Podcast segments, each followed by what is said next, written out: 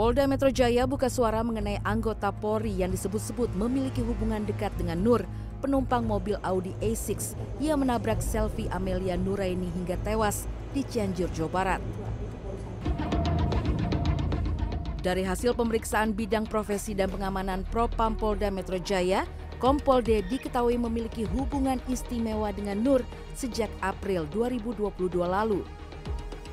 Kompol D kini ditempatkan di penempatan khusus Patsus selama 21 hari ke depan lantaran telah melakukan perselingkuhan dan melanggar kode etik profesi Polri.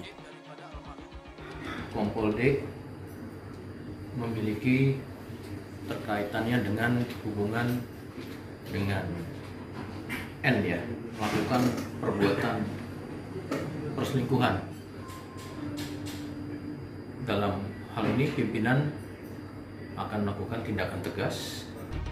Sementara itu penggunaan plat nomor palsu di mobil Audi sedang disidik Polres Cianjur.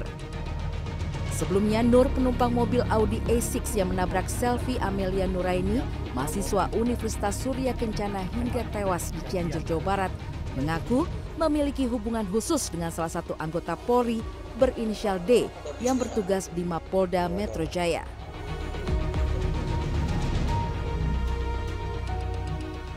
Sementara itu setelah ditetapkan sebagai tersangka, SG pengemudi mobil Audi kini telah resmi ditahan di Polres Cianjur.